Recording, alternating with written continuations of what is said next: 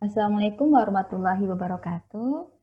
Waalaikumsalam warahmatullahi wabarakatuh. Alhamdulillahirrahmanirrahim. Kita perdana ya sebenarnya. Kita akan berbincang-bincang ringan terkait dengan perempuan khususnya. Ini kita nih ada mau ngobrol perempuan dalam forum apa nih Mbak sebenarnya? Kok aku jadi deg-degan gini ya? akan ini sih berbincang mengenai perempuan dalam uh, kisah-kisah yang akan insya Allah menginspirasi kayak gitu ya. Jadi mm-hmm.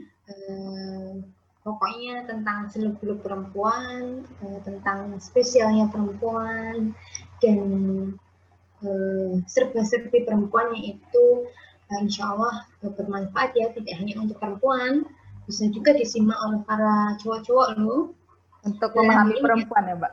Iya, tuh. Biar nggak salah tafsir kayak gitu kan, atau salah paham, salah mengerti, kan jadi runyam kan. Oh, baik, baik, baik. Baiklah, berarti ruang hikmah ini, kita ramangnya, namanya ruang hikmah ya, Mbak ya? Ruang Betul. hikmah. Ruang berbagi cerita-cerita berhikmah yang terkait dengan perempuan pastinya ya, Mbak ya? Iya, gitu. Baik. Jadi uh, di ruang ini kita akan membahas perempuan, kemudian kita uh, harapkan itu bisa menginspirasi ya uh, dan para pendengar bisa mengambil hikmah dari kisah-kisah tersebut gitu. Ukti. Iya benar Mbak. Nah kita sebenarnya uh, tidak hanya akan berdua ya Mbak, karena beberapa Betul. pekan ke depan nanti kita akan juga menjadwalkan beberapa narasumber nanti atau kita mengundang pembicara yang pastinya insya Allah inspiratif. Iya, jadi kalau misalnya teman-teman ingin join sama kita ngobrol hmm. di sini, sharing kisah yang uh, bisa menginspirasi uh, banyak wanita lain atau banyak uh, pendengar lain, itu bisa hubungi kita nanti kita akan kasih ini ya email. kontak person gitu. Okay. uh, email. Benar sekali. Nah untuk perdana nih mbak. Untuk malam ini kita perdana meluncur meluncur ke dunia podcast. Kita akan membahas apa ini mbak? Bahas yang nah. dari ringan dulu yang berat atau yang paling berat atau yang sangat berat nih mbak? Yang ringan-ringan dulu aja kali ya sebagai prolog. Baik Mbak, kita akan berbincang tentang apa ini Mbak? Uh, pertama sih uh, kita akan bahas mengenai ini sih apa sih wanita dan peranannya kayak gitu. Menurut Uhti apa sih apa namanya wanita tuh apa sih definisi wanita menurut Uhti? Hmm, sebenarnya tidak bisa diungkapkan dengan kata-kata, Mbak. Kalau oh, ada berbicara tentang wanita ya, Mbak. Karena kalau saking spesialnya ya. Kenapa, Mbak? Saking spesialnya ya. Iya, saking spesialnya tidak bisa dikuantifikasikan dengan kata-kata, Mbak. Berat ini, udah mulai berat ini. Baiklah, Mbak. Semoga ini saking beratnya tidak apa ya, tidak sulit untuk dipahami para ya. pendengar. Kalau posisi wanita tentunya spesial ya Mbak. Dan itu sudah juga diakui kalau misalnya kita lihat eh, dari kehidupan sehari-hari saja kita, beban wanita mungkin ada yang berpendapat ketika wanita itu bekerja di rumah saja itu bukan suatu pekerjaan. Tapi kalau menurut aku pribadi itu suatu pekerjaan loh Mbak dan itu sangat apa ya, sangat menantang ya. Kita nggak lebih baik itu mensugesti dengan yang positif daripada mengatakan sulit atau berat, lebih baik itu menantang. Karena memang suatu hmm. tantangan. Apalagi ibu-ibu rumah tangga yang multitasking, gendong anaknya, terus mencuci baju, kemudian masak dan itu dalam satu waktu bisa 3 sampai 4 pekerjaan yang dikerjakan gitu. Jadi Masya Allah, Allah itu sudah mendesain uh, perempuan itu untuk um, saking kuatnya gitu, mem, menjalankan tugas-tugasnya, belum lagi nanti menjalani jadi seorang ibu, seorang istri dan rolling dari peran itu bahkan ro, apa ya peran itu dijalankan dengan bersamaan nggak nggak apa ya kok kerja kan kita ada jamnya ya mbak misalnya dari pagi jam 7 sampai jam 4 sore misalnya kan. Tapi kalau misalnya seorang wanita itu perannya itu seperti 24 jam gitu. Non-stop, iya, Mbak. Dan itu sampai seumur hayat, Mbak. Iya. Makanya uh, itu wanita itu perempuan itu begitu ini ya gitu super kayak gitu ya super woman lah Wonder Woman kayak gitu aduh. Jadi memang ini sih wanita tuh kalau dari aku pribadi satu kata buat perempuan mulia. Kenapa mulia? Coba tebak Ompi. Kenapa uh, aku mendefinisikan wanita itu dengan satu kata mulia mulia. Itu singkatan atau gimana ya Mbak? Soalnya Mbak nih kadang unexpected gitu Mbak. Silahkan ya. Mbak didefinisikan.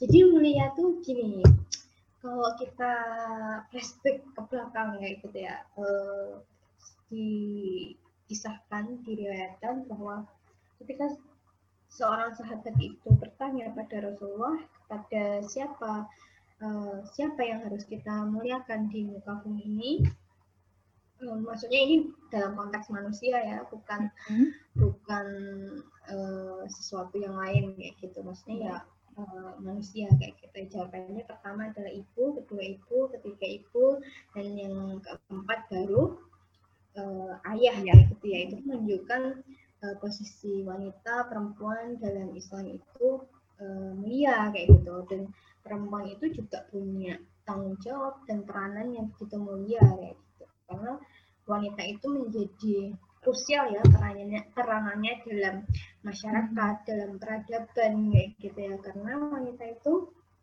tugasnya nggak cuman nggak cuman ini sih nggak cuman uh, yang kayak di sinetron sinetron kayak gitu. Ya gimana tuh mbak? Kok di sinetron sinetron? Gimana tuh? Pendengar juga tuh Yang yang uh, ya gitulah. Ya intinya wanita itu peranannya uh, penting kayak gitu ya bagi peradaban bagaimana dia bisa uh, ketika mau mau menikah menikah terus kemudian punya anak bagaimana dia mendidik anak itu bisa menjadi warisan peradaban kayak gitu ya. Bisa melanjutkan kebaikan-kebaikan Islam kayak gitu ya.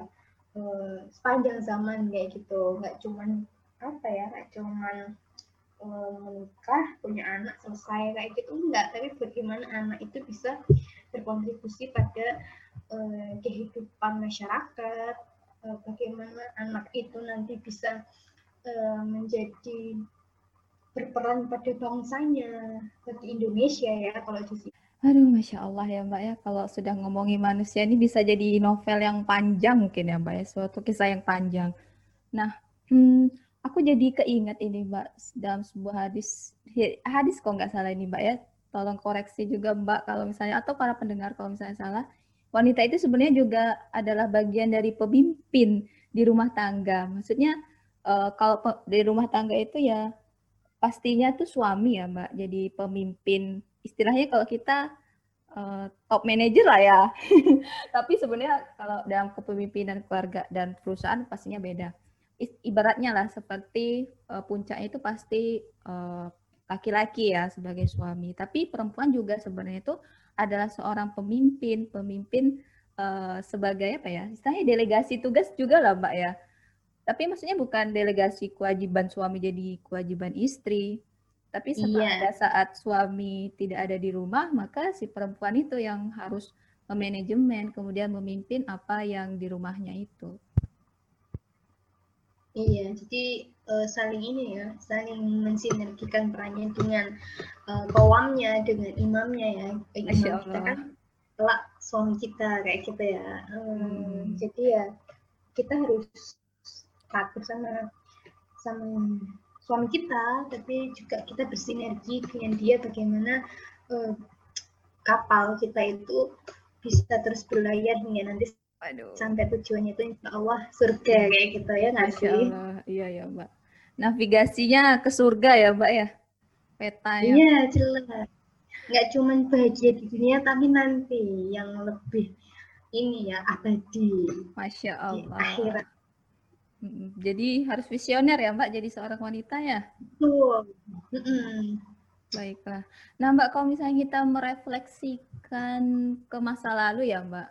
Uh, kalau orang bilang kalau masa lalu itu, aduh udah deh masa lalu tuh udah dilupain aja gitu. Tapi kalau aku pribadi tuh agak kurang setuju sih. Bukan kurang sebenarnya kurang setuju sih karena kalau misalnya di sejarah-sejarah, kalau misalnya kita flashback, banyak sekali contoh-contoh yang luar biasa ya Mbak terkait dengan iya, wanita yang real gitu. Tapi kita tidak memarjinalkan wanita hebat yang masa sekarang ya. Uh, iya. Oh, oh benar. Karena kalau kita flashback di masa dulu, mereka itu para wanita-wanita dan sahabat-sahabat itu sangat menginspirasi untuk wanita zaman sekarang. Iya, bisa jadi wanita-wanita sekarang tuh menginspirasi kita karena role model mereka tuh Siti Khadijah, Bunda Maryam, kemudian Aisyah, kayak gitu. Bisa jadi kan kita nggak tahu ya. Iya iya mbak. Kalau mbak ini siapa nih mbak sesosok aduh. teladan teladan uti dulu, dari uti dulu dari sosok wanita. Aduh mbak mbak dulu lah. Sebagai kita sweet aja? Sweet sweet virtual ya mbak? Iya sweet betul. aduh. baiklah mbak. Siapa mbak? Ini mbak. Siapa? Jadi bongkar ini ya. Bongkar, bongkar. rahasia nih. Waduh rahasia ya. Bongkar itu ya. Aduh.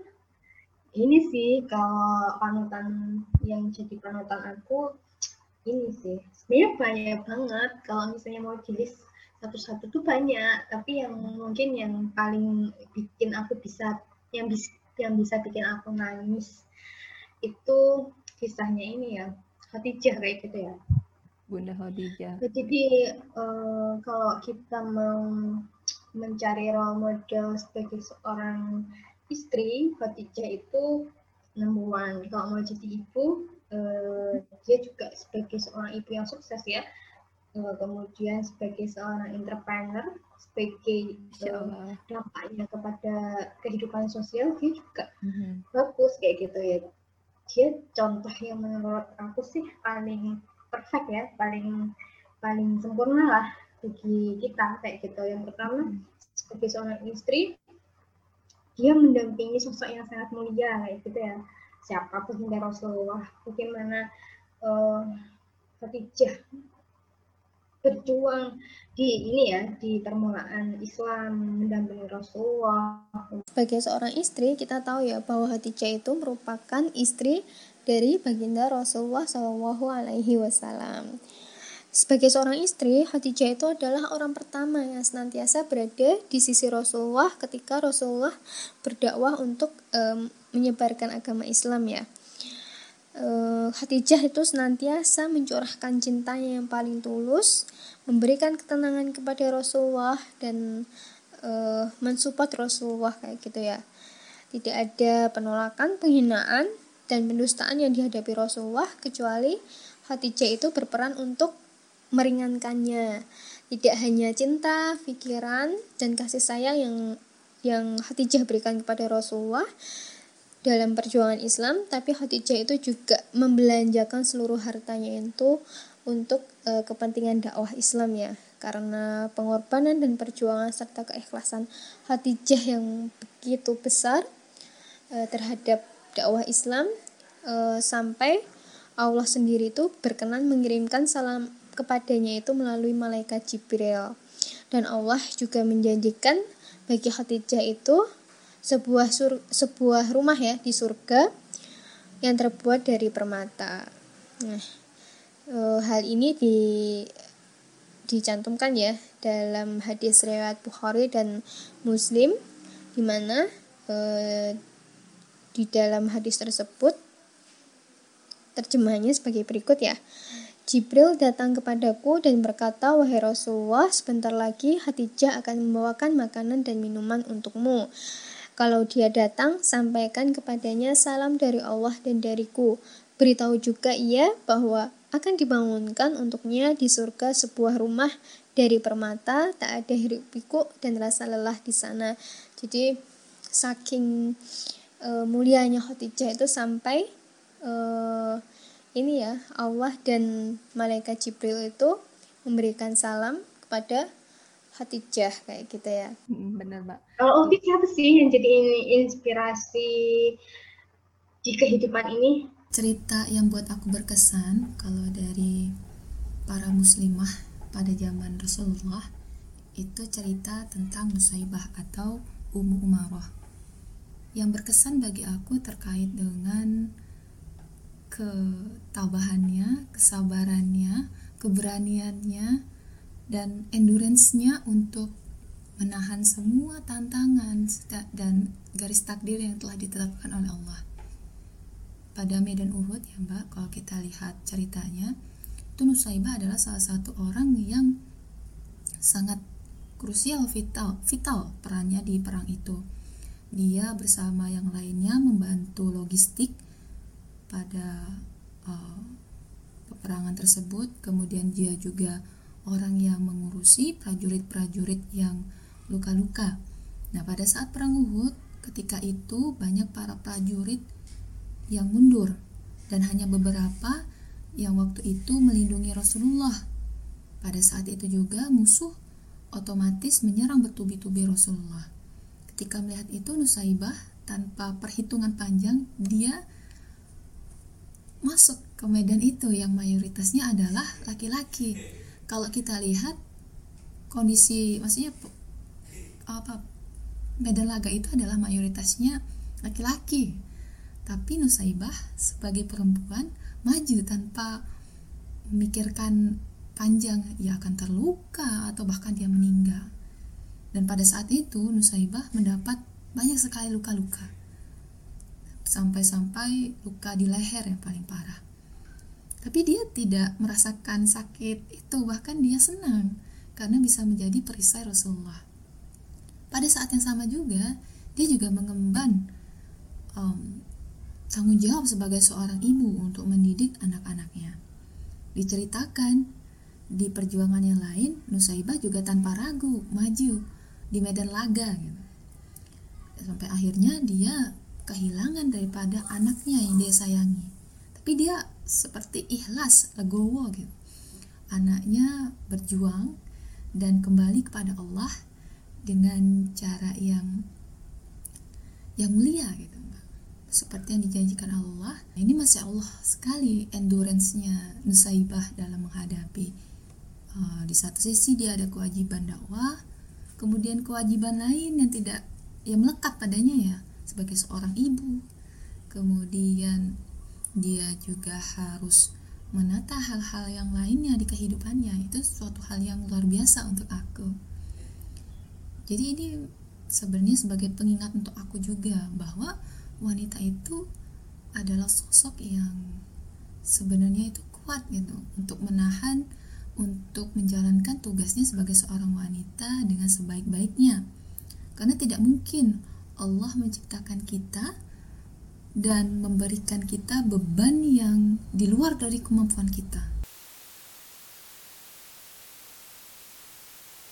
di dua kisah yang ini ya jadi inspirasi kita ya Uti uh, bagaimana keteladanan Hatijah dan Saibah ya. Sebenarnya masih banyak ya sosok-sosok lain yang yang uh, yang menginspirasi kita kayak gitu dari setiap kisah para sahabiah tuh hmm. bisa kita ambil hikmahnya nggak cuma dua sosok tadi banyak semua banyak semua sosok banget mbak punya kisah-kisah yang masya Allah kayak gitu loh ya. Benar. Beda banget sama kisah kita yang masih oh receh ya mbak. iya, aduh. Kita cukupkan aja ya untuk malam ini. Mbak mungkin ada yang untuk closing statement mbak untuk para pendengar okay. sekalian.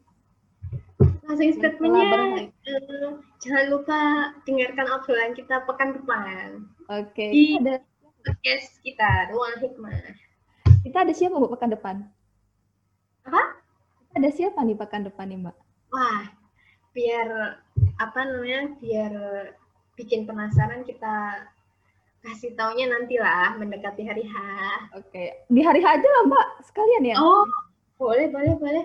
Komen ya, komen ya nanti uh, mau dikasih taunya kapan ya gitu. Oke, baiklah Mbak. Nah, jadi untuk hari ini, malam ini ya Mbak, kita cukupkan ya untuk para pendengar sekalian. Uh, kami ucapkan terima kasih, jazakillah khair, jazakumullah khairan. Kemudian apalagi Mbak? Ada yang mau disampaikan lagi?